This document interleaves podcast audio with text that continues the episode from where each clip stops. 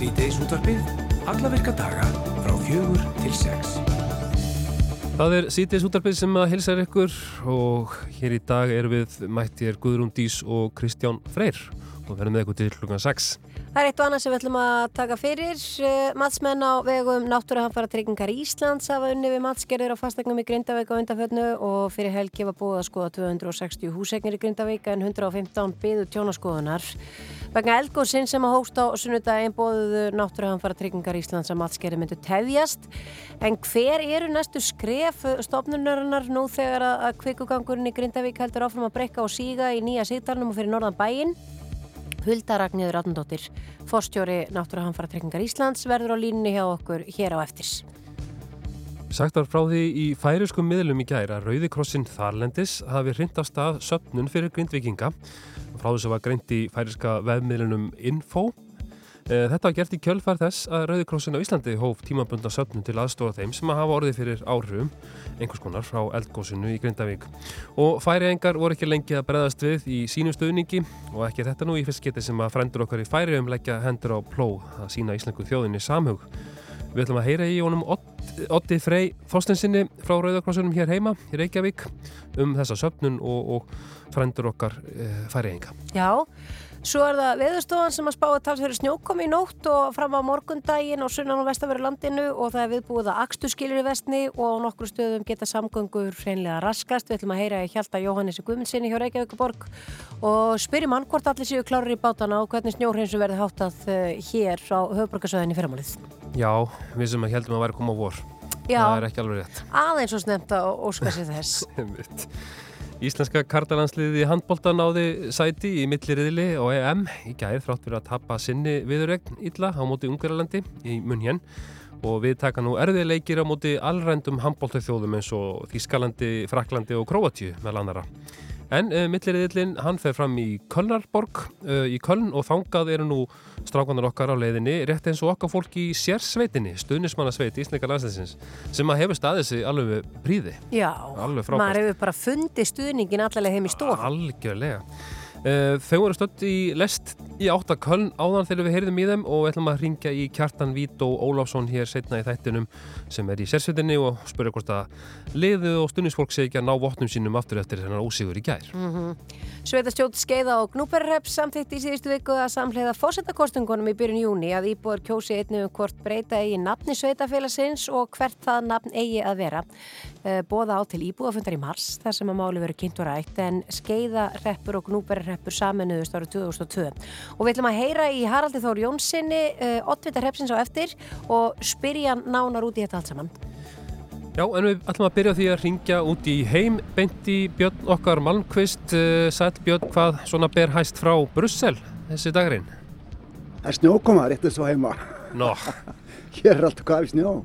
Það var bara, það var verið að spá hérna 10-15 cm af jafnfjöldum snjó í Brussel og, en það er nú reyndar ekki að gerast. Það, ég myndi giska að það væri svona, hvað, svona 5-7 kannski, ennþá meira út á landi fyrir norðan og, og sunnan borgina. En, en þetta gerist nú ekki oft hérna í Brussel, ég man þetta sko, þetta er, einlega fyrsti alvöru snjórin í, í vetur það kom eitthvað föl um daginn sem allir kölluðu snjó og ég var í því að leiða þetta fólk. Þetta er ekki snjór, þetta heitir föl. Og fólk horfði bara á mig eins og ég var eitthvað eitthvað fáviti. En hérna í fyrra sko snjóaði einlega ekki neitt og, og heldur ekki sko veturinn, sko þar áður. Þannig að þú veist, ég veit að eitthvað langur til að ég fara að tala um að það sé allt í fári í borginni að því að útlendingar kunni ekki að, að keira í snjó. Uh, það er svolítið þannig en ég held að sé ekkert mikið verið heldur en í Reykjavík þegar, þegar verið er svona. Það er bara svona hæg umferð allir fara að valega, það er krabi ég stend hérna á litlu torki í hverfinu mínu sem, er- sem er kent við veiðmennuna í Ardennafjöllunum Chasseur d'Ardenne uh, vinsalt hverfi meðal Íslandingar sem hafa búið hér og búið hérna. Það er, alltaf hérna markaður á föstudöfum Hérna sapnast oft saman börn eftir skóla og, og leika sér á mjög skemmtilegum leikvelli sem er í miðu, á, sko, miðu torkinu. Þau eru hérna nokkur núna aðalík snjókasti en, uh, en svona það er skemmtileg vetrastæmning í, í borginu og bara allt gott um það að segja nema þú sért mikið að keira um þessa, þessa klukkutímana. En hvernig með fólk sem er á, á hjólum og nota aðra samgöngumóta? Það er ekkert... Nei, það er, það er, það er engin á hjólum núna, engin á hjólum, akkurat, akkurat núna í dag. Nei, nei. Nei, það er engin með nagla, ég hef ekki séð mjög, mjög marga hjólriðamenn hér á, á nöglum, og, og ég meina, umferðin er bara það líka þannig að það er kannski frekar hægtilegt að vera hjóli akkurat núna, ég meina, bílar eru að renna til og spóla og hérna, ég meina, það er allt í lagi að fara með, sko, metro og, og það er, þú, þú veist, trammanir eru svona allt svona, svona flestir í lagi innan borgarmarkana en það er búið að sko aflýsa lestaferðum út um kvipin og kvapin í Belgíu út út af snjó, ég meina það er sem er náttúrulega bara eðlilegt, það er kannski erfitt að halda teinunum nógu hreinum og, og hérna fyrir, fyrir lestir sem að fara frá hvað, 70 upp í 150 km hraða á klukkustund og hérna ég veit að það var stelpa sem ég hitta á hann sem var komið frá Frankfurt.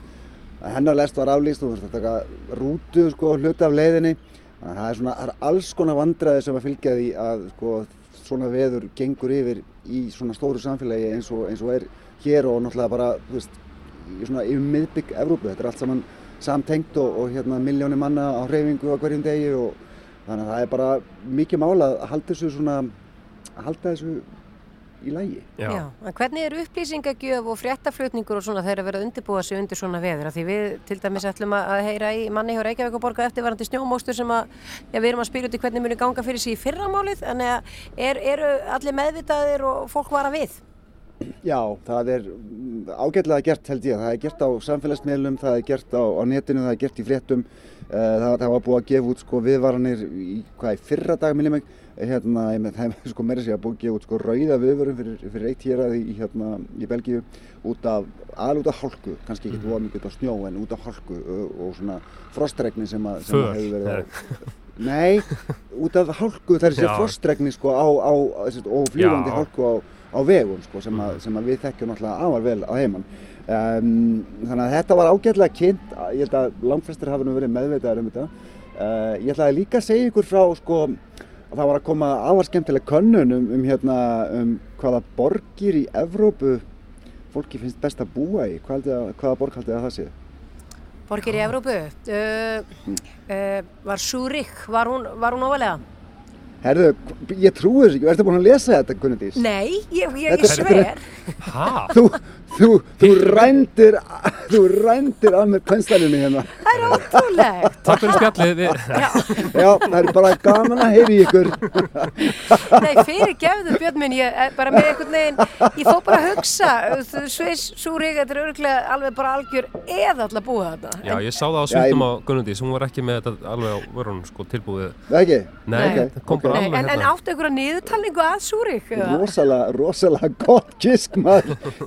bara að nei, nei, hérna, ég ætla ná að byrja sko að við að segja ykkur að Ísland kemst ekki á, á blað hérna yfir, yfir allavega tíu bestu, sko, hérna tíu bestu sérst borginnar. Það er, uh, já, sko, ég meina Brussel er nú með 53. Já! það er ekkert, það er ekkert mikið betra.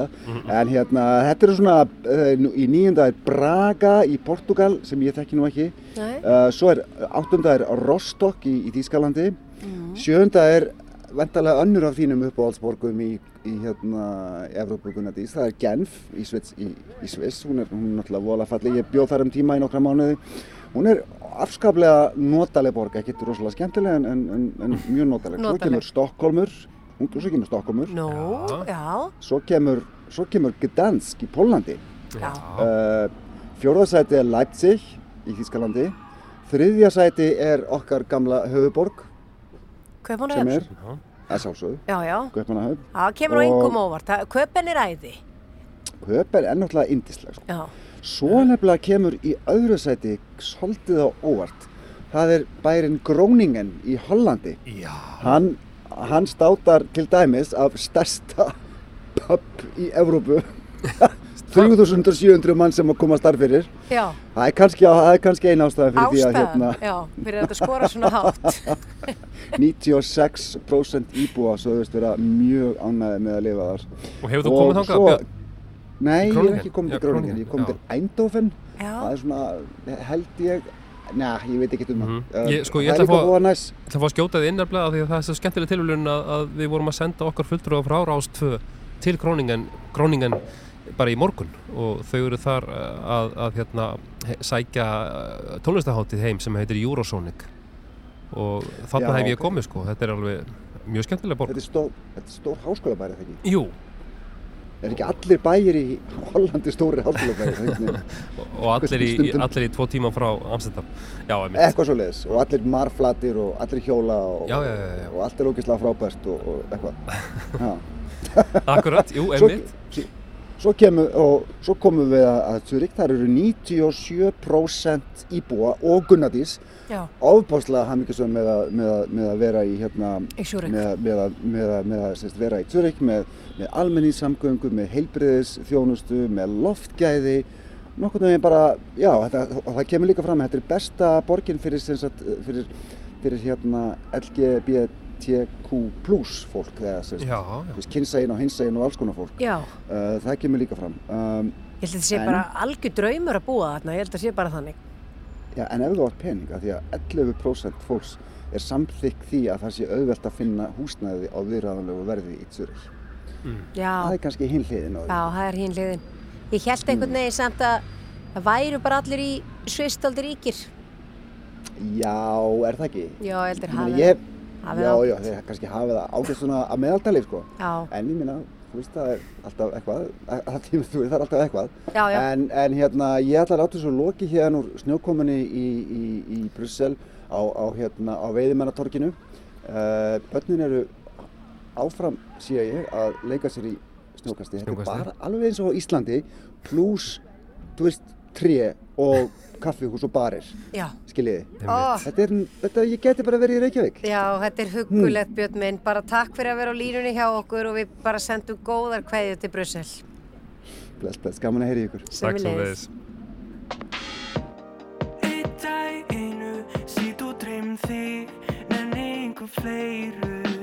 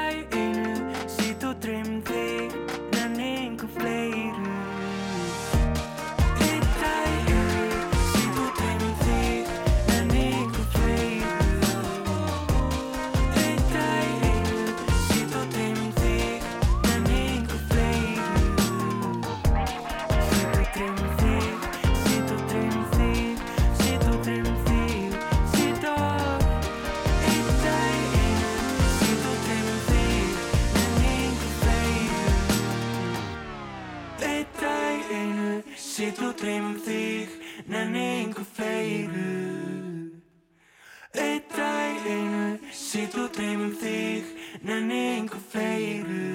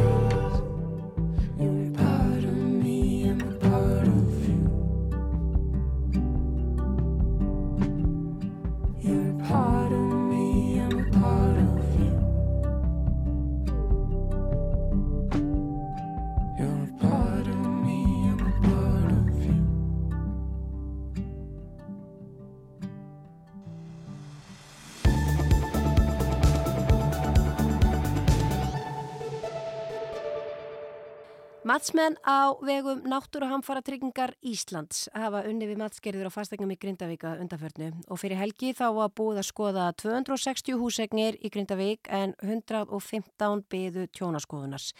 En vegna eldgóðsinn sem að hófst á sunnudaginn þá bóðuðu Náttúruhamfara tryggingar Íslands að matskerði myndu tefjast. En hver eru næstu skref stopnunarinnar nú þegar að kvikugangurinn í Grindavík heldur áfram að breyka og síga í Nýja Sigdalnum og fyrir norðan bæinn? Huldaragnir Átandóttir, forstjóri stopnunarinnar er á línunni. Kondur sæl og blessuð Hulda. Vondur sæl. Já, ef við byrjum kannski bara alveg á byrjunni, hvert er hlutverk Náttúruhamfara trygginga Íslands? Heyrðu, það er skilgreint þannig að okkar hlutverk sé að bæta beint tjón á húsegnum og lausafér sem að er vátryggt brunatryggingu á Íslandi og það þýðir að veg, vegna sem sagt náttúruhamfara. Og það þýðir að það eru allar húsegnir sem að, að eru tryggðara því að það er bæði skildu brunatrygging og náttúruhamfara trygging á öllum húsegnum og síðan á því lausafér sem að er brunatryggt en það er ekki skilda brunatryggja lausafér sem að er þá bæði geta verið innbú og lagarar og, og allt mögulegt en ef að það er brunatryggt þá er það líka skilda að tryggja það hjá okkur og þetta gerist allt saman samhliða því að fólk gengur frá brunatryggingunum sínum við sitt vátrygginga félag. Mm -hmm. Sko núna uh, eins og ég saði hérna í enganginum þá uh, voru matsmenn á eitthvað vegum búinir að vera að skoða eignir í Grindavík og Meta uh, en núna er algjör óvissa uh, og aðstæðar hafa breyst. Hvernig er það, uh, þurfa þeir að meta allar þessar eignir aftur og bara byrja alveg upp á nýtt? Ég held að þetta allavega þessi helgi var mjög átakanleg fyrir alla sem að áhorfu og, og það er alveg ljóst að það er breytingar sem að hafa orðið þarna á svæðinu, það er geta í það minnsta hafa haft talsvist mikil áhrif á þau tjón sem að þegar var búið að meta. Og við teljum að það sé ekki fært að halda áfram með tjónamat fyrir en að hægt er að fara aftur inn á svæðið og, og skoða hverjar breytingarnar hafa orðið. Og, og þetta verður alltaf floknari og floknari atbyrgur þar sem að hlutirnir er að gerast svona um, sí endurtekið og það er engin loka punktur ennþá komin sem að segir okkur að það sé orðið tímabært að fara og meta endanlegt tjón. Þannig að þetta er bísna erfi stað sem við stöndum fram með fyrir. Mm -hmm. En núna náttúrulega er engum hleyft inn til Grindavíkur og eins og þú segir það er ekki tímabært að vera að meta tjón. Uh, uh, íbúa Grindavíkur, odnir, já það bara eru áhugifullir og óþreyjufullir. Hvenar geta já, þeir grindvíkingar sem hafa búið að meta hjá átt vona og að fá úrlöst sinna mála? Ég held að því miður sé erfitt fyrir mig að svara þessari spurningu. Við höfðum uppi áallanir um að kynna mött í nokkuð stórum stíl núna í kringum mánamót og það er ljóst að það verður senkun á því vegna þessa og við höfum upplýst þá sem að hlutega máli um þá senkun á, hjá okkur. En ég er hins vegar mjög bjart sín kona að eðlisfari og ég trúi því að, að það muni áðurna langt um líður verða gerðar einhverjar aðgerða, ég í það minnst að vona það frá, uh, frá stjórnvöldum sem að munu kannski draga eitthvað úr þessari óvissu sem að þarna ríkir því að ég held að þetta er einfallega svo ótrúlega skrítnar og fordamalausar aðstæður sem þarna eru að, að það, það þarf eitthvað fleira til þess að grýpa fólk heldur en þau lög sem um okkur gilda eða um náttúruhanfara tryggingu Ísland skilda í þessu samhengi. Hmm. Talandi aðeins um uh, lagasetninguna, Páll Valur Björnsson íbúi grindaði hvar hjá okkur í gær og hann bent á það og eins og við vitum öll að við erum land náttúruhanfara, hér, hér uh, verða snjóflóð, það verða örflóð og, og, og svo jarskjáltar og eldsumbrot og annað slikt. Telur þú að eh, lögum náttúru hamfaratryggingar Íslands séu bara úrelt eða þarnist mikill að lagfæringar?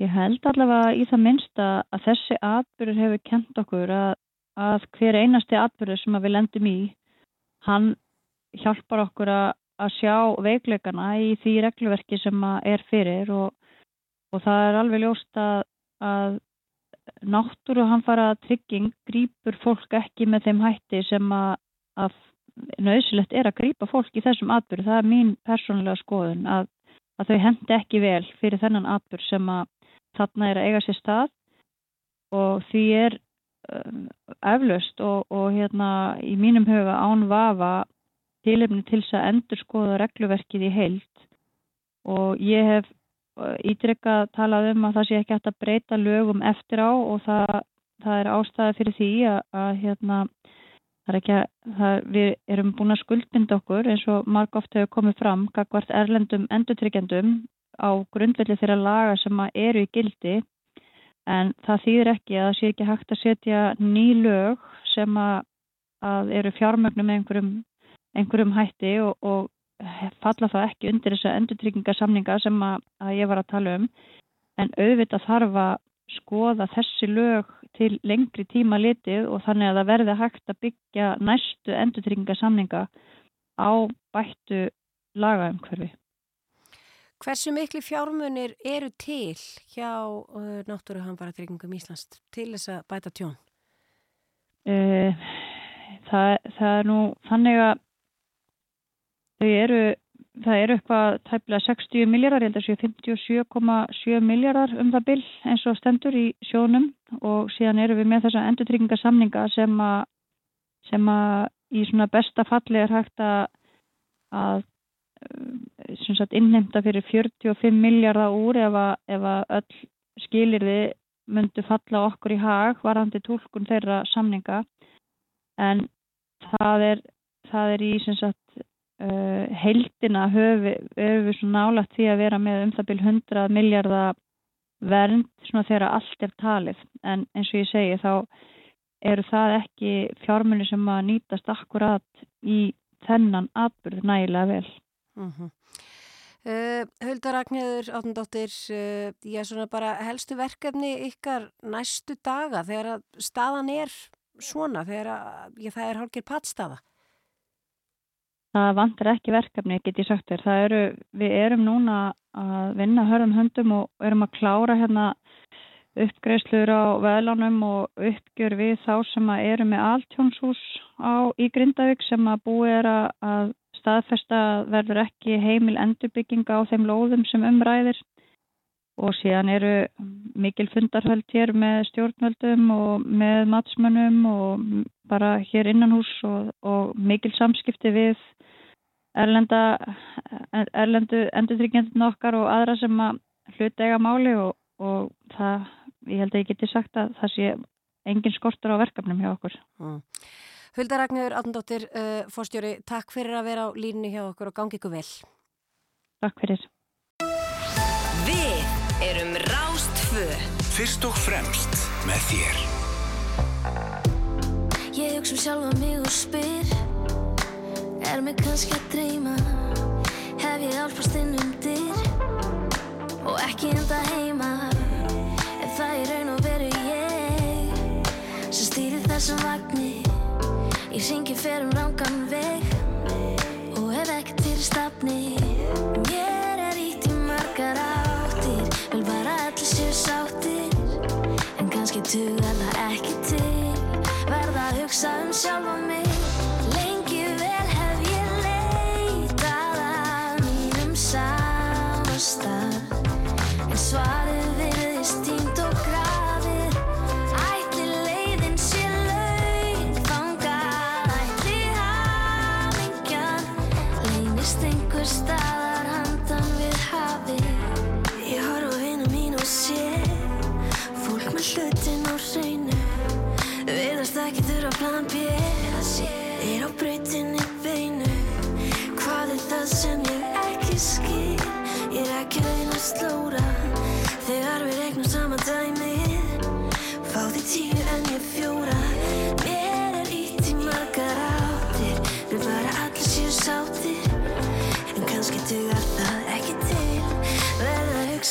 hugsa um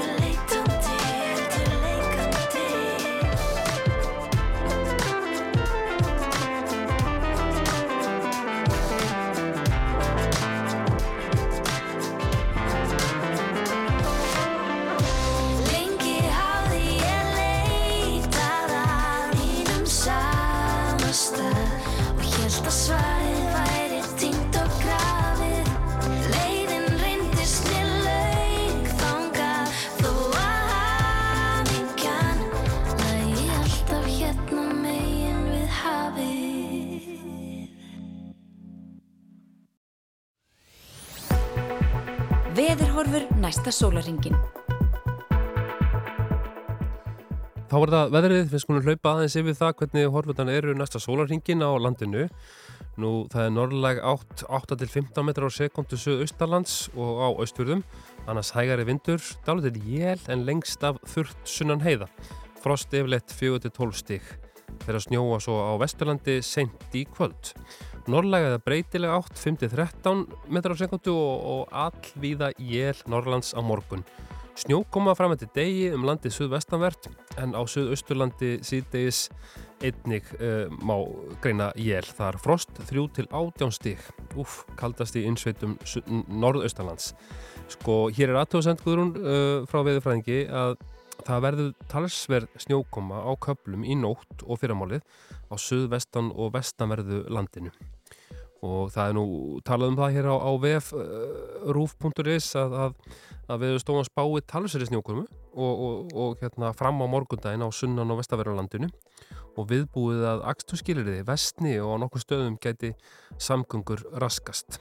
Það, það, það eru komin að gula við, viðveranir hérna allt frá breyðafyrði og á Suðurlandi Já, þetta er eitthvað sem að fólk þarf eflust að taka með í reikningin, kannski hér á höfborgarsöðin allavega í fyrramáli þegar það er að leggjast það til vinnu en uh, við erum komið með uh, mann á línuna sem að heiti Hjalti Jóhannes Guðmundsson og hann hjá Reykjavíkuborg og er sá sem stýrir því að uh, allir séu klárir í bátana, að það verði búið að riðja og reynsa og gera fínt þegar við vökkum á morgun. Hjalti, verður það þannig? Verður allt klárt?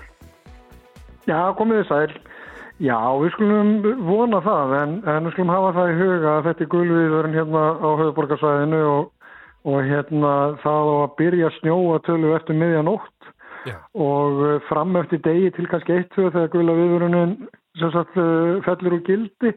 Þannig að við byrjum bara, við leggjum verkefnið upp eins og alltaf, við byrjum svona um miðjanótt líka að, reyðja svona helstu leiðir og, og höldum áfram inn í daginn með það og við gerum það fyrir því hérna í Reykjavík að, að byrja að móka síðan húsagöturnar kannski svona upp úr átta. Við svona sjáum bara líka bara hvernig veðri þróast. Við þurfum að láta það svona svolítið stýra þessu líka og, og, og hafa, hafa það í huga Já, en eins og varðandi að þau vorum að tala við eh, Björn Malkvistaðan sem er út í Brussel og þar var hvít jörð og jafnfallir snjóri yfir öllu og það var ekki tekt að vera á hjólum, hann sagði bara að að fólk í borginni hefði verið viðbúið því að það er ekki hægt að vera á hjólum og, og nýtast við þannig almenningssamgöngur eh, eitthvað allavega í dag. Eh, Stígarnir, eigum við að láta hjólinn eiga sig á morgun?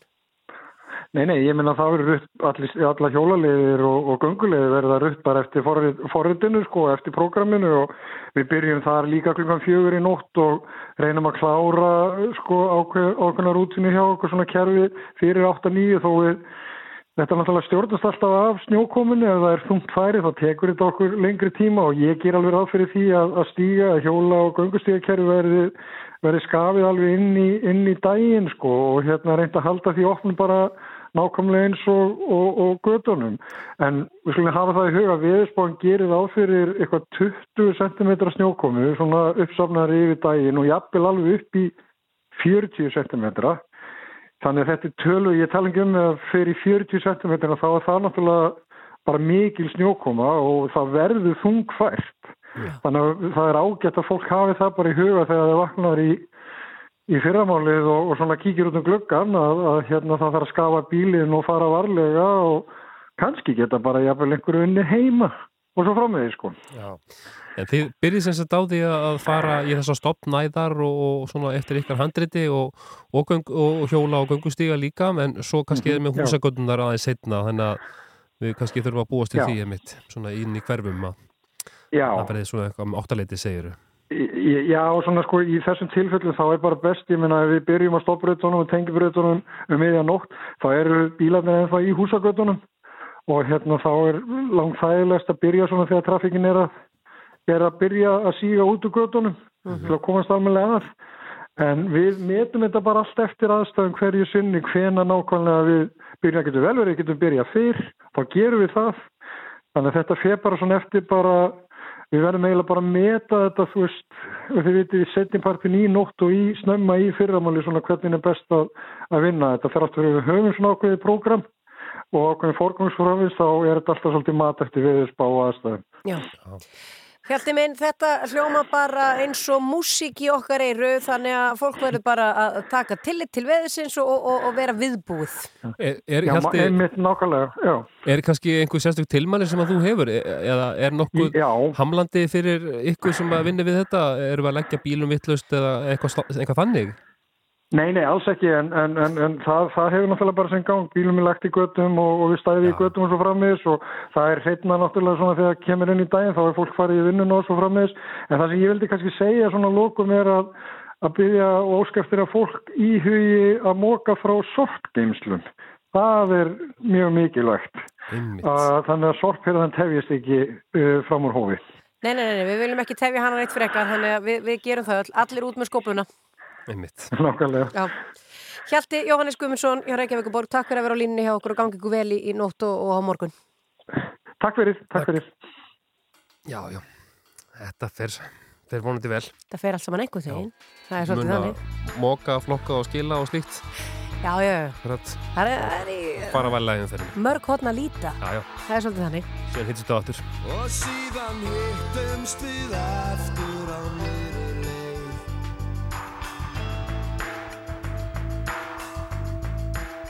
Og síðan hittumst við aftur á miðri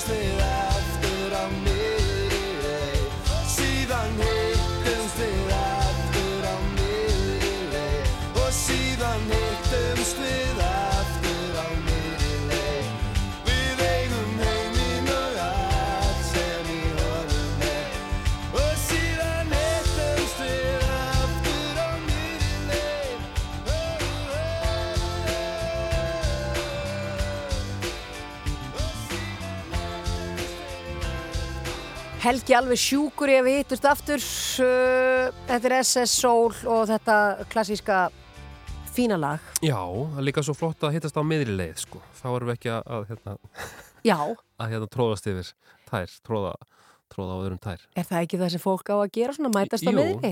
algjörlega. Já. Þetta er allt svoleiðis. Mjög bröðið þegar ég lusta á fjögurfrétnar hérna áðan, Kristján, og heyri það að Katrin Princess of Wales, eh, Catherine Middleton, sem ég fylgist nú mikið með, mm. Að uh, hún var að gangast undir kvíðarhólsaðgerð og engarspítal í Lundunum í, í gær, uh, tilkynning frá höllinni. Mhm. Ég er enn að horfa á uh, Krán, síðustu seríuna. Það er svoleiðis. Já, þetta gengur hægt hjá mér. Herðu, sko... Ég, ég ætti að vera búið með hann náttúrulega, Mhm, en, en mhm. ég er svona, en, en mann er nú ekki ofta að setjast niður, sko. En, Ég á þetta eftir, ég hef heyrt svo margt gott. áttu allar seríuna eftir? en, ég hef ekki búin að, ég hef ekki búin að horfa á eitt þá. Hæ?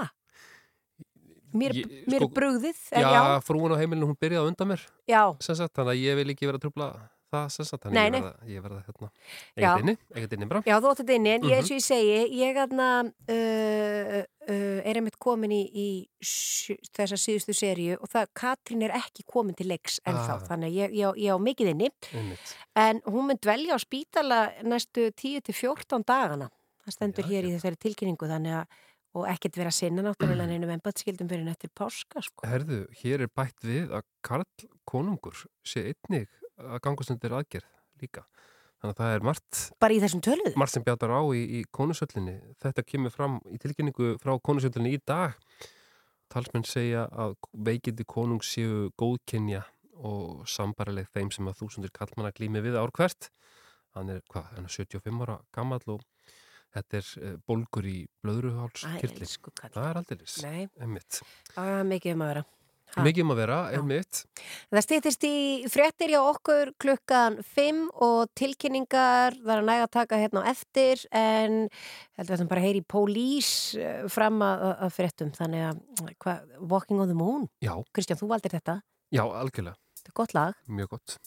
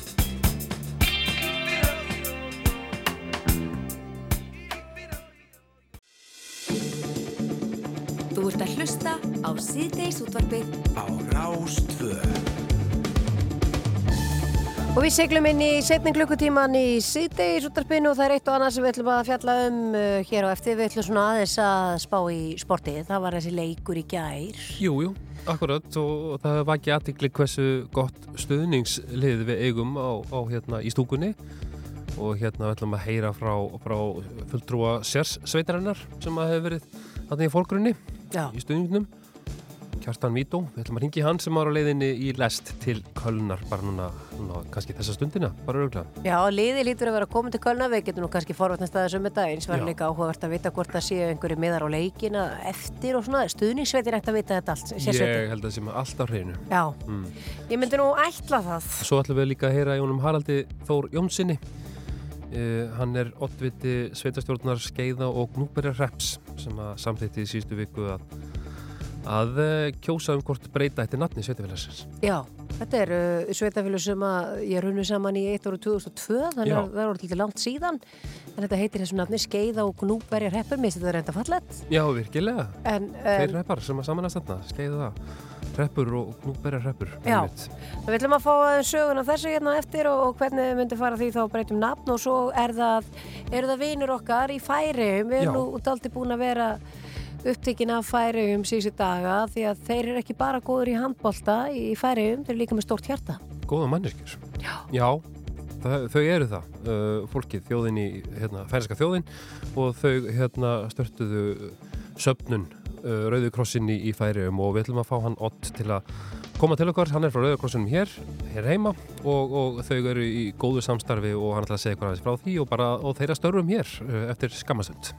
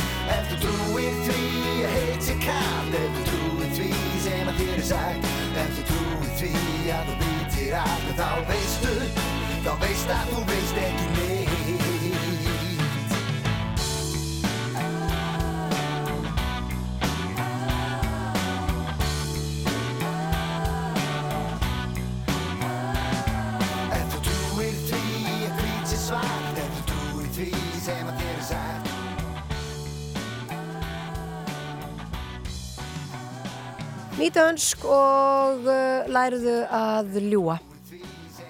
Jú, uh, sagt var frá því í færiskum miðlum í gær að Rauði Krossin uh, þar lendis hafi hrindast að söpnun fyrir grindvikinga. Frá þessu var greint í færiska vefmiðlunum in.info info. Ég held að þetta sé nú bara vefútgafa af sósjálnum, skils mér. Já, já. En þetta var gert í kjölfra þess að Rauði Krossin hér á Íslandi hóf tímabundna söpnun til aðstofa þeim sem hafa orðið fyrir áhrifum eldkossins í Grindavík og, og færiengarnir. Þeir voru ekki lengi að breyðast við í sínu stuðningi. Nú, uh, hann er komið til okkar Ottur Freyr Þorstensson sem er kynningar og fjölmeila fulltrúið frá Rauðarkrossinum. Velkomin Ottur. Takk hjálpa fyrir það. Og takk fyrir að koma. Já, nei. Hvað uh, segir okkur um, um þetta, þetta samstarf? Höfðu færi engar samband við ykkur og, og eða? Já, þeir bara voru slegnir yfir því að sjá uh, myndirnar frá Grindavík, eðlilega og vildu styðja Grindvíkinga bara og höfðu samband beint við okkur og spurðu hvernig, hvernig þau getur gert það á sem bestan hátt og stungu meðal hans upp á því að, að hafa söpnun þannig að við uh, bara þáðum það með þökkum og, og þá bara byður ekki búðana, þeir bara drifi í þessu. Akkurat. Og er hérna, er mikill samgangar á milli ykkar Rauðarkrossins hérna og, og hjá þeim, frændum okkar? Já, við, e, við erum með langt og farsælt samstarfa baki. Við höfum verið að vinna með þeim e, með ímislegt. Við höfum til dæmis verið að hjálpa þeim með, með neðavarnirnar, neðavarnarvinnuna hjá þeim. E, við höfum líka að hjálpa þeim að, að móta móttöku flótafólks og fleira. Þannig að við erum búin að vera í, í góðu samstarfi í langan tíma. Já, já. En þið störtuðu, eða það er að segja, hófuð þessa söpnun bara núna, eða ekki bara núna nýlega, Sunnudaginn. Já, sunnudaginn, eftir að þessa hamparir skullu á. Og höfum við tekið vel við okkur Íslandingar? Alveg ótrúlega. Ég bara, uh, já, við höfum sjaldan ef nokkuð tíma séðan aðræðins undirtektir. Þetta er náttúrulega sögulega viðbörður, við höfum ekki séð neitt svona í 50 ár og, og það er alveg greinilegt að hugur Íslandinga, og ekki bara Íslandinga, það er mjög margir erlendraðalega sem er að styrkja söfnuna, þannig að það er mjög mikið af fólki sem, að, sem er greinilega bara finnur til með grindvíkingum og vil hjálpa þeim með þetta erfiða verkefni sem þeir standa fram fyrir. Mm Og hvernig mun þessi söpnun, veistu það, í færægjum verður hún bara með svipuð sniði og hér? Já, ég, þau eru bara að byggja fólk um að leggja inn á reikning og merkja fæslunar Ísland. Uh, og hérna svo ætla þau bara að leggja inn á söfnuna sem við erum með og svo fara þessi peningar bara til grindvikinga. Það er uh, útlutunar sem að er að vinna að því að, að útluta fyrir sem að við erum að sapna uh, og við höfum nú þegar útlutað tæplega 5 miljónum og munum bara halda áfram að útluta þangað til að þessi peningar eru allir farnir á réttan stað. Mm -hmm. Og hvernig, ég menna þessi peningar, hvernig, að því þú kannski veist meira um það en ég, er þetta þá ja, til bara fjölskyldna sem eru í neyð, uh, er í fjárháskrökkum og annars líkt sögum þess að það er kannski ekki með vinnu og, og, og, borga uh, tvær, já, af tveimur húsnaðum og svo framvegis. Mm -hmm. Og svo er náttúrulega líka bara alls konar óvendu kostnaði sem kemur upp. Uh, sérstaklega þegar fólk þarf að rýma því svona í skyndi það er mjög skiljanlegt að fólk gleymi kannski einhverjum munum sem að e, það þarf á að halda og það er rosa fljótt að telja það eru bara innbúið, það eru nýjapörin það eru hlæðsutækin, það eru gleru heyrnatæki, það er ímislegt sem að getur fallið til og hugmyndin er bara að hjálpa fólki að brúa bylið og, og hérna, þetta eru einstaklingsstyrkir sem hættir að sækjum bara í gegnum þjónustumist en á tryggagötu Já, já, já. Og er þetta, er þetta, já, þú segir að almenningur hafi verið hljótur að taka við sér. Uh -huh. Er þetta einstaklingar sem og fyrirtæki? Já, og við erum búin að vera að sjá, uh, ég held að stærsta einstaka, hérna, stærsta einstakli styrkurinn hafi verið miljón frá einstaklingi. Já. Það er bara ótrúlega öfluga viðtökur. Það er alveg ótrúlega gaman að sjá og bara hvert skipti sem við, við kíkjum á hérna, tölunar þá er það búin að rjúka upp. Mm -hmm. og svo erum við í rauninni ekki eins og með heildatöluna því að það er eitthvað sem er að fara í gegnum símfyrirtækin og, og við fáum setna þannig að við vitum ekki nákvæmlega hver, hver svo upphæðir en við erum að nálgast 20 miljónir strax Það er vel gert á sunnudegi Það er ótrúlegt sko. Það er, er greinilegt að hugur okkar er þarna. Allir þarna. Já. Uh, og ef að fólk vil styrkja, er, Mhm. það, uh, er það bara gert með því að fara á rauðukrossin.is eða... Já, ég minn raunin er einfaldast að annarkvort að kíkja heima síðan okkar rauðkrossin.is eða á Facebook síðan okkar eða á Instagram síðan okkar og þar er hægt að finna allar upplýsingar. Það er alveg nokkra leiði til þess að styrkja þannig að fólk bæði innanlands og ellendis getur lagt inn á okkur, inn á söfnuruna bara auðvöldlega. Já, Og, og grindvikingar geta þá sótt um þetta í eins og þú sagðir í dollhúsinu og þannig að þetta mun rata í réttar og, og góðar hendur. Nákvæmlega. Og það eru eh, fulltrúar hérna, Rauðakrossins uh, og Grindavíkubæjar og kirkjunar í Grindavík sem eru í eins og nefnd sem sér um að útluta. Þannig að þetta, fólk sem, þetta er fólk sem að þekki vel til samfélagsins og, og þarfana þar. Einmitt. Langaði kannski aðeins að spyrja þið út í uh, bara ykkar verkefni, Rauðarkrossins hérna, frá því að þetta skall allt á núna bara, var það ekki nógumber sem að uh, fólk að rýma hérna á, í Grindavík hafa þetta verið margskonar verkefni og misjótt eða allt Já. það sem kemur að því að koma fólki bara í, í húsaskjól Við höfum náttúrulega verið að taka þátt í því að, hérna, að, bara styðja við rýminguna. Uh, 1717 hjálpalínun okkar var notuð til þess að fólk uh, tilkynnti sig þegar það var að, rýma þarna í november. Um, og svo höfum við líka verið að veita sálarna stuðning e, mitt í gegnum 1717 og 1717.is og í gegnum þjónustu miðstöðun okkar og við erum sagt, einn af þessum þremur aðlum sem er að reyka þjónustu miðstöðuna á samt Grindavíkubæ og almannavörnum.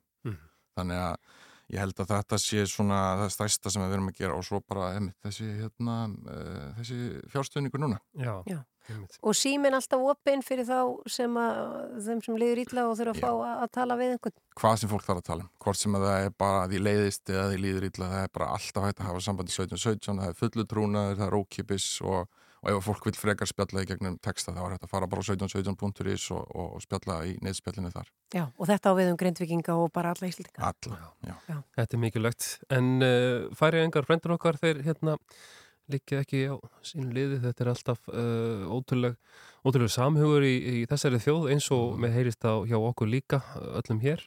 Færingar hafa nú, þetta er nú ekki fyrst skipti sem að þeir hérna leggja hendur á pló og sína samhug. Uh, ég man eftir því að þeir gáfu held ég flateringum uh, leikskóla bara hreinlega byggðu leikskóla uh, á flateri eftir snjóflöðu 1995 og, og svo náttúrulega þeirra aðstóð þeirra komað þinn svo kallaða runni og allt það fram með til göttunum mm. en Óttur Freyr, takk kærlega fyrir að að koma og segja okkur aðeins frá þessu þínum ykkar verkefnum hér í Rauðkrossunum og, og einnig hjá frændum okkar færiengum og, og ég, við segjum bara gangi ykkur vel. Já, takk fyrir það og takk fyrir að bjóða mér Ég held við hlustum á lag með já, færingum okkar. Við hefum færing. Einmitt. Hann heiti Jókvan. Hér er hann á samt uh, Frýri Gómari og þetta er Rómíó og Júlía.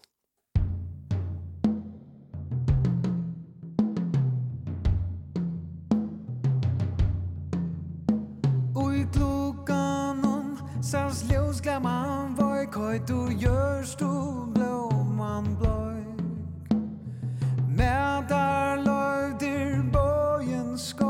Undan åten og samviskan svøj Þau trúða á drauma myrkrið svart Draumarnir tilbáðu þau. Fingurnir gældu við stálið kalt Lífsvökvann dælan sög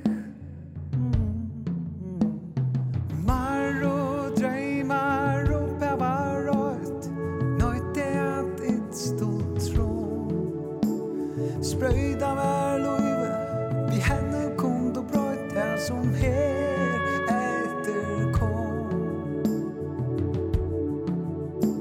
Og i lovsrummet synes det spona lær Er vøktan om spil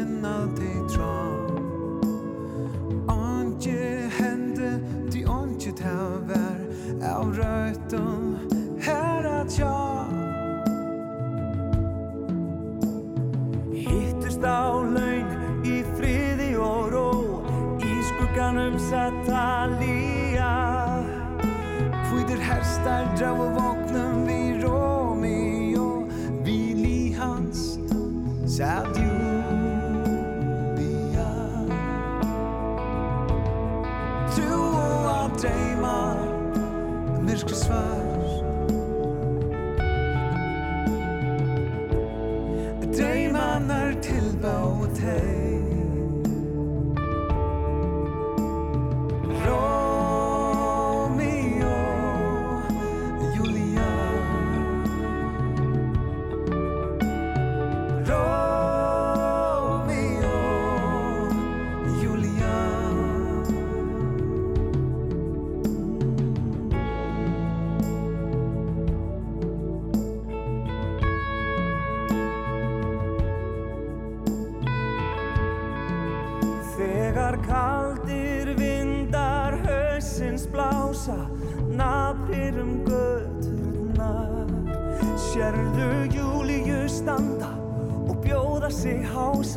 hása Í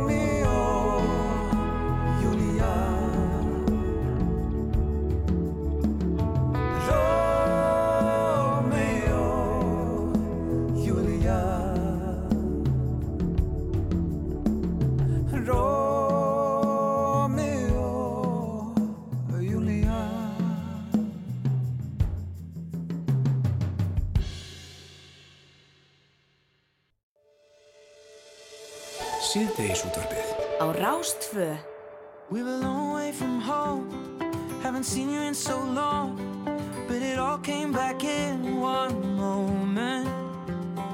And the year started cold, but I didn't notice it all. And we found there's a room we're both in. We get Chinese food in small white boxes. Live the life we saw in Friends. Your room, it barely fits the mattress. Wake up, leave for work again. The wind, it seems to blow right through us. Down jackets are the trend. The rush rushing deep into love. English girl in an American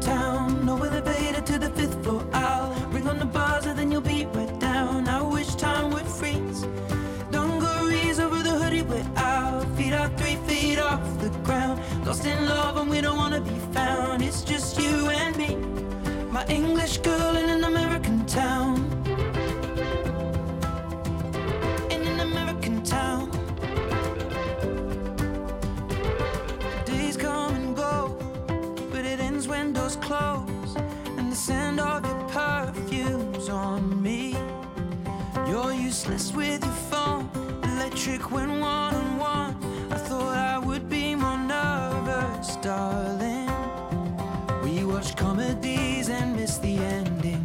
Conversations till the dawn. Any change in tide, we push against it.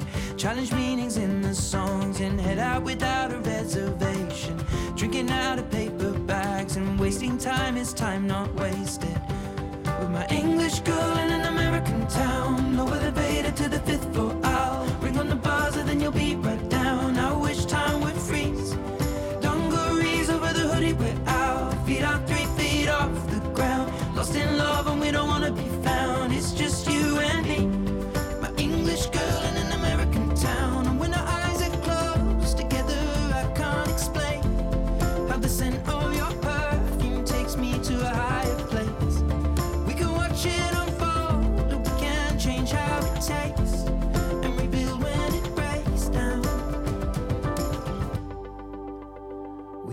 Moscow mules and steal the cups from mostly the Bowery Bar. What a perfect day to fall in love on. What a way to make a start. It appears when you think all is lost, then you don't remember when it started. Never have to pretend. With my English girl in an American town. No elevator to the fifth floor. I'll ring on the buzzer, then you'll be right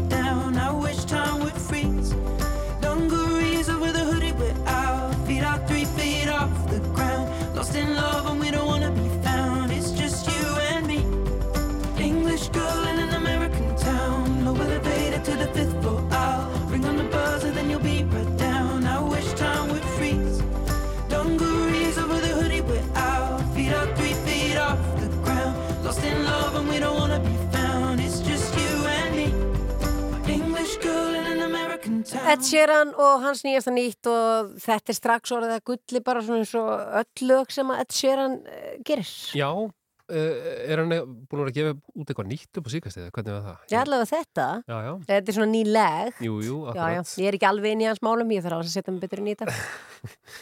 En uh, íslenska kartalandsliðið í handbólta náði uh, sæti í, í milliriðli Evropamótsins í gær þrátt fyrir að tapa illa sinni viðreitn á móti Ungurlandi í Munjan og þetta vitum við kannski öll en uh, við taka nú erfiði leikir á móti allrændum handbóltaþjóðum Þískalandi, Fraklandi og Króati og meðal annara.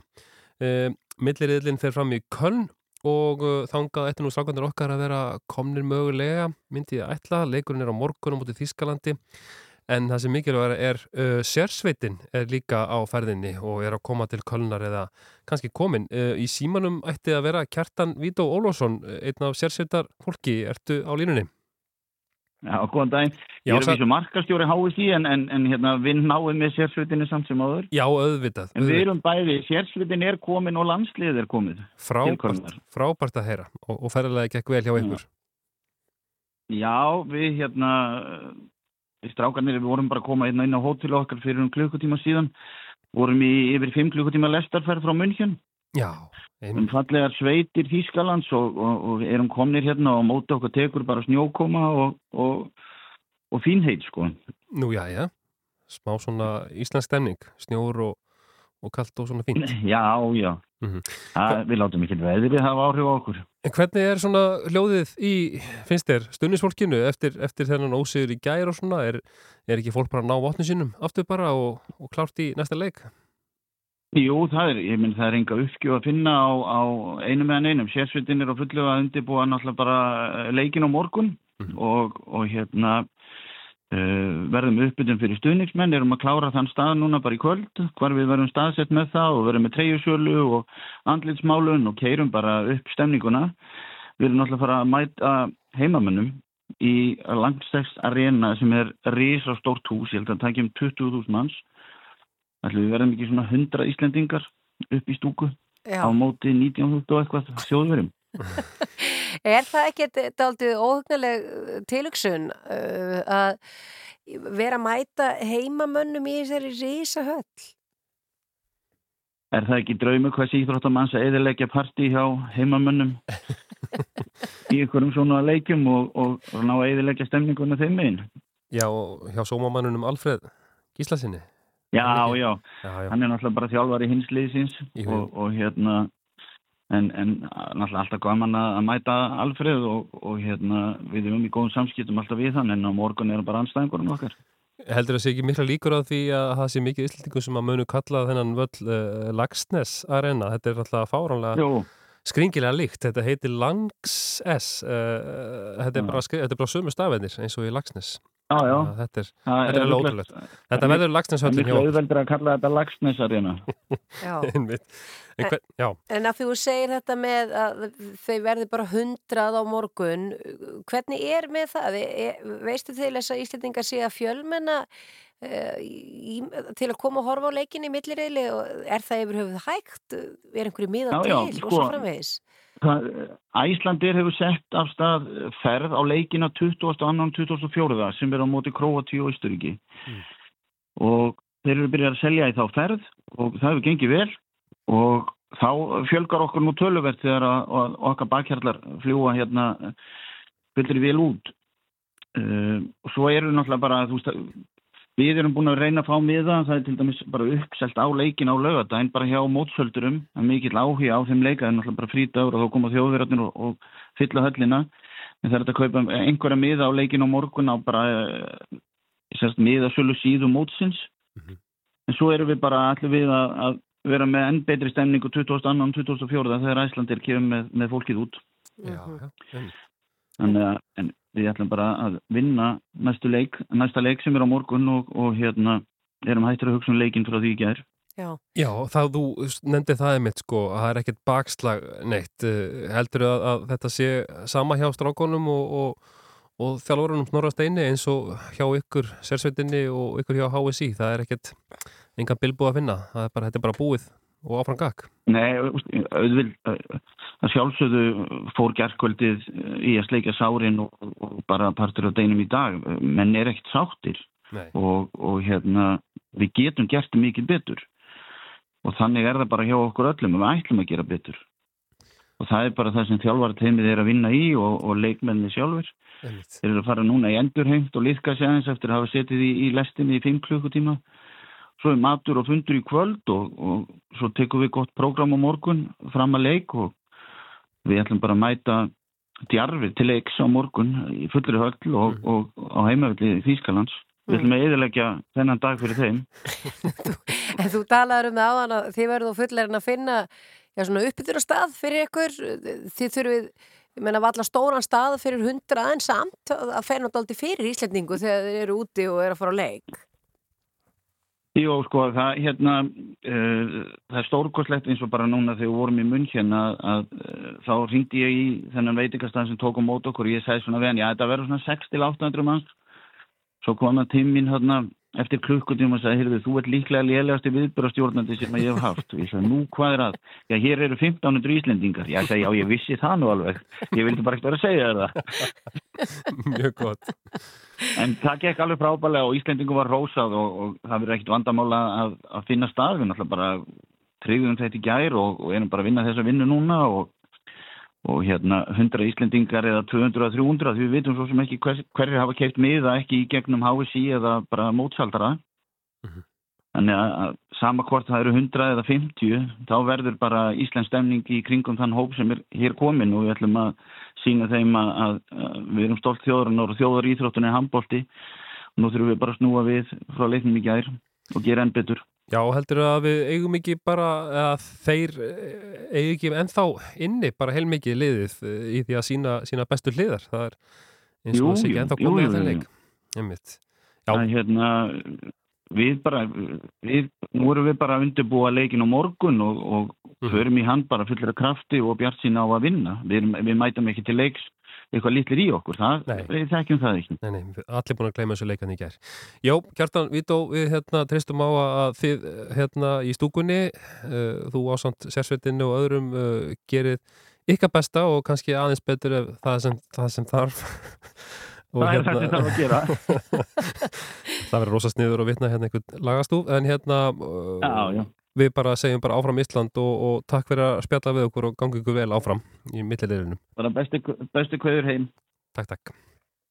Takk.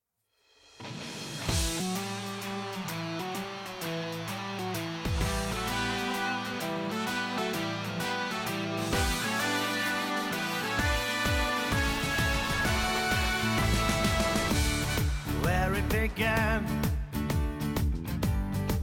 I can't begin to knowing, but then I know it's growing strong. Was in the spring, and spring became the summer. Who'd have believed it'd come along?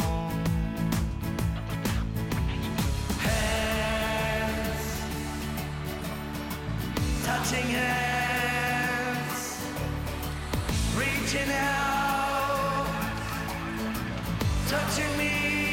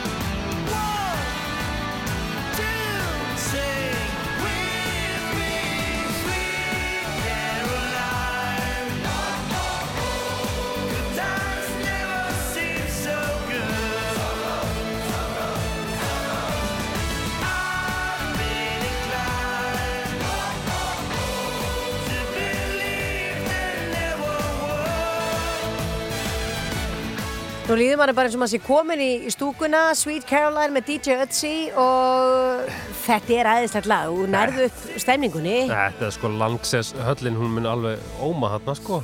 Og allir munur syngja með. allir munu syngja með. Og uh, já, það er engan bilbug að finna á uh, HSI og, og okkar mönnum hann úti og sérsveitinu og því öllu sem er gott að heyra Kjartan Víta Ólason allavega markastjóri HSI, hann, hann, hann sagði það, það væri bara næsti leikur Já. og við þurfum kannski aðeins að passa okkur sko, því að uh, það voru margir sem að voru harðorðir á internetin í gær Já. uh, vegna landsliðsins og eru margir líka búinir að koma og, og koma þeim til varnar og segja, heyrðu, halló, róum okkur aðeins, mm Mhm. þetta eru nú bara menn eins og við og þeir eru þarna í sín megin frítíma að Já. keppa fyrir land og þjóð og allir að gera sitt besta Ég vil nú samt segja að ég held að þetta sé alveg bara betra að fólk sé kannski, jú, jú, blóðþeitt og, og vilji hérna segja einhverja meiningar sínar.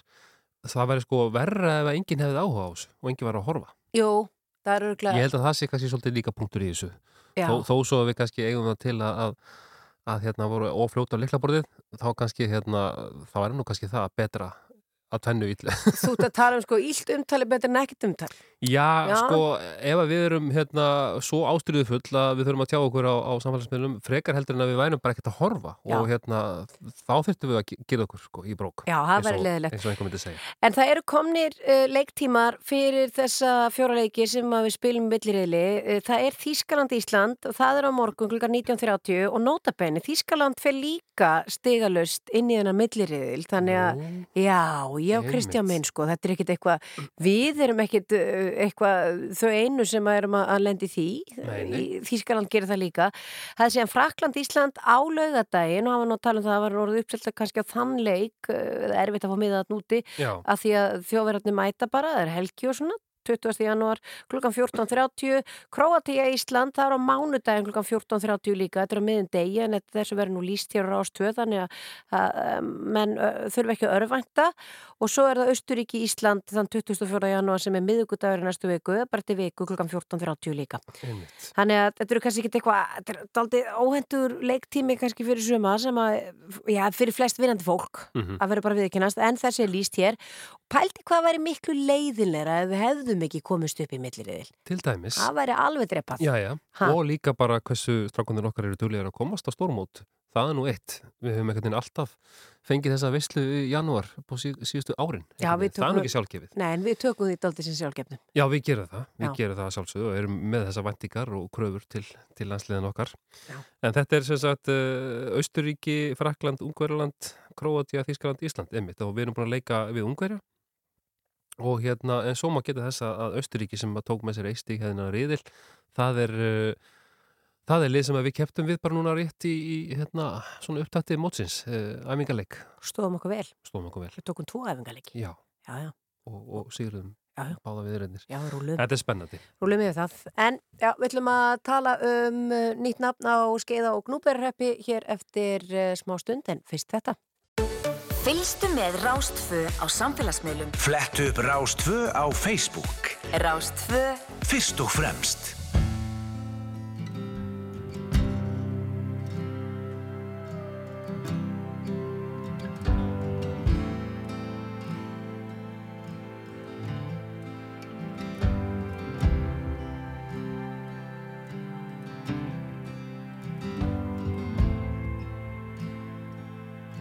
Vodka and whiskey's gonna ease my mind.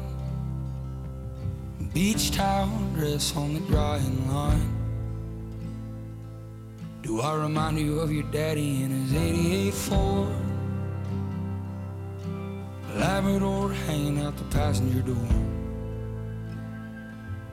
The sand from your hair is blowing in my eyes. Blame it on the beach, grown men don't cry. Do you remember that beat down basement couch? I'd sing you my love songs and you'd tell me about how your mama ran off and pawned her ring. I remember, I remember everything. Cold shoulder at closing time. You were begging me to stay till the sun rose. Strange words come on out of a grown man's mouth when his mind's broke. Pictures in passing time, you only smile like that when you're drinking. I wish I didn't, but I do. Remember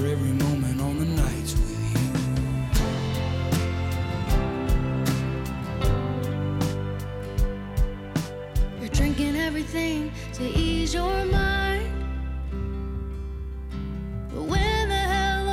gonna ease mine? You're like concrete feet in the summer heat, and birds like Kelns whose souls meet. No, you'll never be the man that you always swore. But I remember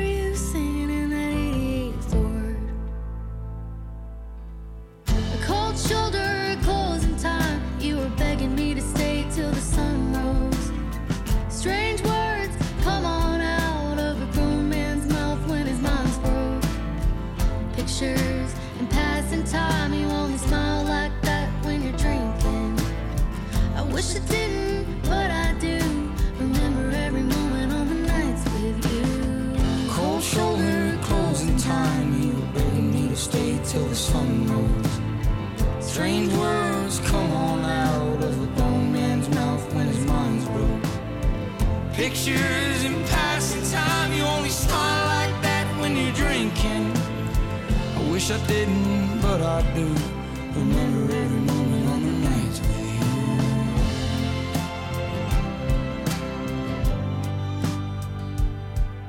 you. Rod good whiskey's gonna ease my mind. Dress on the drying line. Do I remind you of your daddy in my 88 Ford? Labrador hanging out the passenger door.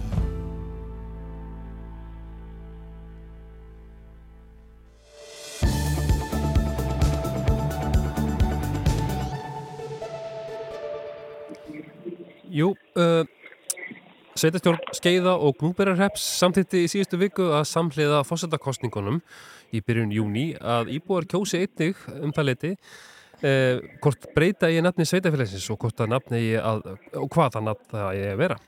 Bóða á til íbúafundar í mars þar sem málið verið kynnt og, og rætt en Skeiðarreppur og Gnúberarreppur saminuðust árið 2002. Haraldur Þóri Jónsson er ottviti repsins og hann er komin á línu. Ertu þarna, Haraldur? Já, já, ég er hérna. Ég segð okkur, Haraldur, minna, þetta er árið 2002 sem að uh, þessi reppir eru saminæðir og uh, uh, þetta er ekki fyrsta sinn sem að stungir upp á því að, nafninu sé breytt eða hvað? Nei, það, það var nú farið í kostningu fyrir rúm 8 ára síðan og, og þá var svona örlítill meiriluti með því að halda gamla nafninu. Ég held að svona umræðan, umræðan hefur reglulega verið að það eru margir sem að vilja fá nýtt nafn á sveitifélagið og, og nú eru svona, eh, hvað að segja, það er mjög spennandi tíma samöndan, mikil uppbygging og, og ég held að það sé komin alveg tími á það að, að, að taka þetta skref og finna nýtt nafn þar sem að allir íbúar getur saminast um nafn til framtíðar. Já, og þetta, þegar þið kusuðu þarna fyrir átta árum, uh, þá voru hvað, átta nöfn sem að kosið um og þjórsár sveit fekk flest atkvæði, er það ekki? Jú, jú það var þess að eh, gamla nafni sem fekk flest atkvæði en svona næst flest var þjórsásveit og, og kannski þessi tenging við þjórsóna, hvort sem er þjórsásveit eða þjórsásbyggði eða þjórsásreppur, það er svona kannski það sem hefur mest verið talað um. Og er það kannski nafn sem ætti kannski að vera á, já, sko, ætti að vera eftir þessum uh, línu sem að þeir að hugsa um, hvort að þetta sé einhvað sem að myndi lýsa uh, landfræðilegri landfræ, landfræðilegri legu, svo að fólk viti hvar, hvar hérna hreppurinn er. Já, það má, það má kannski segja að það sé hluti ástæðinu. Auðvitað sínu tíma var bara gamla skeiðarrepp og gamla núbæri repp bara steikt saman í eitt nafn og, og ég held að sé nú flestir samlega það sé ekki mjög fjált nafn oft þegar maður kynir sig hver maður er og hvað maður sé þá er fólk að fóða minnst áhuga um þetta er orðið svo langt sko. þannig að hérna, ég held að, að það væri skemmtilegt til framtíðar að ná að saminast um svona nýja verkar sem hefur svona meiri vandræðilega tengingu og þá kannski kemur fjórsóðan sterkt inn. Eh, Það vita flesti hvað fjórsóðan er og, og nú er mikil uppbyggingi ferðarþjónustu í fjórsóðdalnum og, og, og svona eh, sveitafélagi liggur alveg meðfram fjórsóðan alveg upp að hósjökli og þannig að þetta er svona svo tenging sem að flesti þekki hvað er á landinu. Mm Ok, og þetta var samþýtt sem þetta á íbúafundi, nei ekki á íbúafundi sem ég heldur bara samþýtt hjá sveitastjórninni í síðustu viku og svo á að halda þá íbúafund í mars og kynna þetta. Heldur að þessu verði ekki bara vel Já. tekið? Jú, ég er alveg, ég hef miklu að trúa því og það er náttúrulega kannski kom okkur pínleiti óvart að að Guðni ákvaði að stíga til hliðar og það er eftir kostninga í sumar. Þá fannst okkur tilvalið að að tilkynna þetta strax til þess að koma umræðinu í samfélaginu á stað og, og, og það kannski vonandi leiður okkur til þess að við höfum þá kannski eitthvað tötur nöfn til þess að sem er svona standi upp úr. Og, og í kostningu verður þá kosið um það hvort við ætlum að halda gamla nafnu eða taka upp nýtt nafn. Og ef að niðurstæðin verður að taka upp nýtt nafn þá höfum við einhverja, einhverja tóþrjá valmöðuleika til þess að velja úr. Mm En hvernig er svona umræðan í sveitinni? Uh, uh, ertu með einhver nöfn svona fyrir okkur sem að fólk er búið að kasta fram um að gæti mögulega verið, verið flott? Ég, ég held að svona alveg eins og síðustu kostningu þegar Þjórsás Sveit kom eh, efst og, og, og Þjórsás Reppur var líka en svo er það spurning byggðin við Þjórsana þannig að Þjórsás byggð þetta er allt svona nöfn sem að eh, kannski þægilegi framburði og hafa góða landræðilega tengingu en, en svo kannski kemur eitthvað, eitthvað nýtt upp úr hættinum sem allir verða saminæður um að, að verði best en, en það verður nú komið ljós í umræðinu næstu vikur og mánuði. Ja, þetta er spennandi. Þannig að það er svona þjórsá sem er kannski svona eitt helsta örneti sem að fólk þekkir hérna í hreppnum. Þannig að, einmitt, þetta var kannski lýsandi fyrir fólk hvað þetta væri. þá- já, já og, það, og það er líka bara á, á sínu tíma sko, það var svona einhvern veginn voru kannski væntingandur um að Þetta hafa nú verið stóra ástæðan fyrir því að það var ekki sko farið strax í að finna nýtt nafn. Mhm. En, en svo einhvern veginn eh, öllum sveitafélagum í kring, það er mikið lyfgangur og mikið lyfbygging alls þar í kringum okkur og, og kannski saminning, frekar saminningar er ekki mikið, allavega ekki mikið umræðan í dag. Þannig að það er svona fannst okkur tilvalið að, að nýta þetta tækifæri sem að Guðni gaf okkur með því að setja fram kostningar í, í 1. júni og sjá hvað, hver, hver högur íbúan er. Mm Við fylgjumst spennt með þessu Haraldur Þóri Jónsson, 8. repsins uh, eða skeiða og gnúpverja reps við, við Já, já. segjum það allavega ennþá En Haraldur, við heyrum nú að því að þú... að, Já, fyrir ekki. já, ég segi, við verðum allavega áfram skeið og gnúpar remar allavega til 1. júni, það, það kemur svöljums. Eh, Haraldur, við, hérna, við hittum á því það sem að þú ert eh, að koma úr handbóltanum. Við vorum einmitt að, að skella á hérna markastjóra HSI. Eh, þú varst að koma af, af EM eða ekki? Jú, við, hérna, við hjónum skelltum okkur til þeim, við fórum í fyrsta sinni fyrra og þetta var svo mikil upplifun þannig að við ákvaðum bara að þetta sumar að við myndum fylgja strákunum og þetta er alveg mögnuð upplifun og ótrúlega fjöldi, mörg þúsund íslendingar, ótrúlega gleði og stemning. Já, góð stemning í. Þrátt fyrir, já, mikið stemning og þrátt fyrir svona að kannski stemningin í gerðkvöldi hafa nú kannski ekki verið frábæri svona þegar úslutin laga fyrir það. Þá verðum við bara að gleyma því hratt og vel og styðja það áfram í næstu leikin. Einmitt. Og þú ert á heimleið og munt horfa á þetta vendarlega bara í sjónvarpinu hér á Rúa á morgun? Já, já, það, maður tekur leik, næstu leiki bara í sofanum heima. Já, það ljóma vel. Herri, Við ætlum að fara að leipa þér í, í flug þannig og náinn úr fluginu og, og komist heim. Haraldur Þóri Jónsson, takk fyrir að vera á línunni hjá okkur. Já, takk fyrir.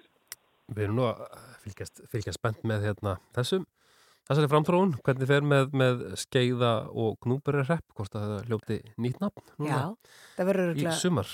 öruglega e- eins og sann að sást þetta var, hann var nömt á, á munum síðast þannig að það geti farið svo aftur Já, maður veit ekki Þjórsar sveit, það er spennandi. Þjórsarbyggð Já, Þjórsarbyggð, einmitt. En við ætlum að hlusta á, á Hipsum Haps sem eru bara á njánum.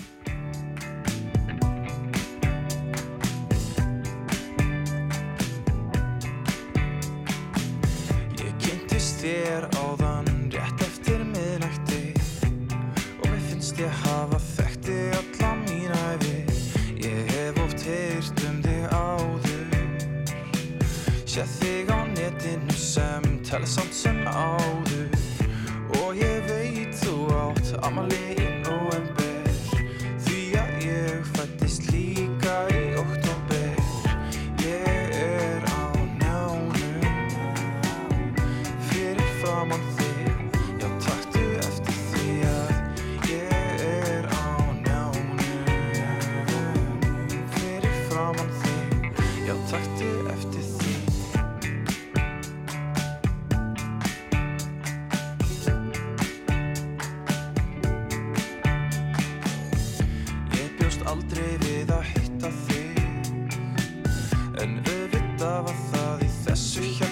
hérna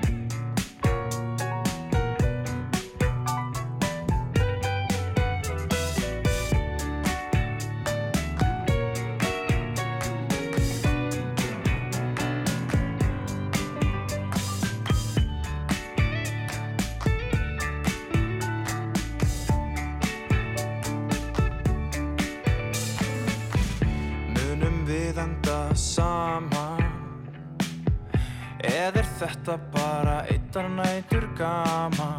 Því ef að við værum saman tvö í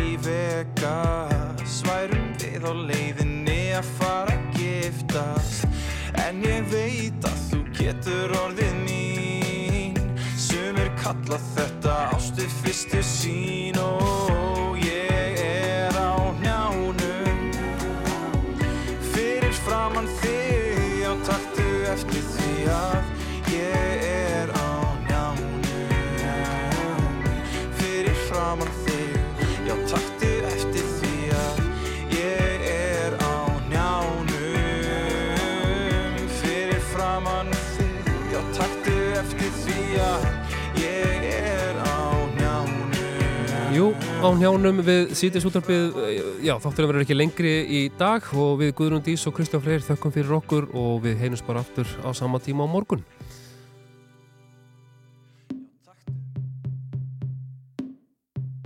When the night is still black and your heart is blue, when your eyes are still red, I will stand with you.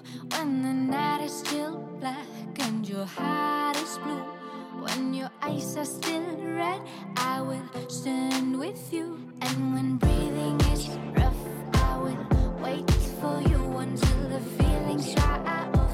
I will walk with you, and when breathing is rough, I will wait for you until the feelings dry off. I will walk with you, I'll walk with you. Ooh, ooh, ooh, ooh, ooh. I'll walk with you. Ooh, ooh, ooh. I walk with you.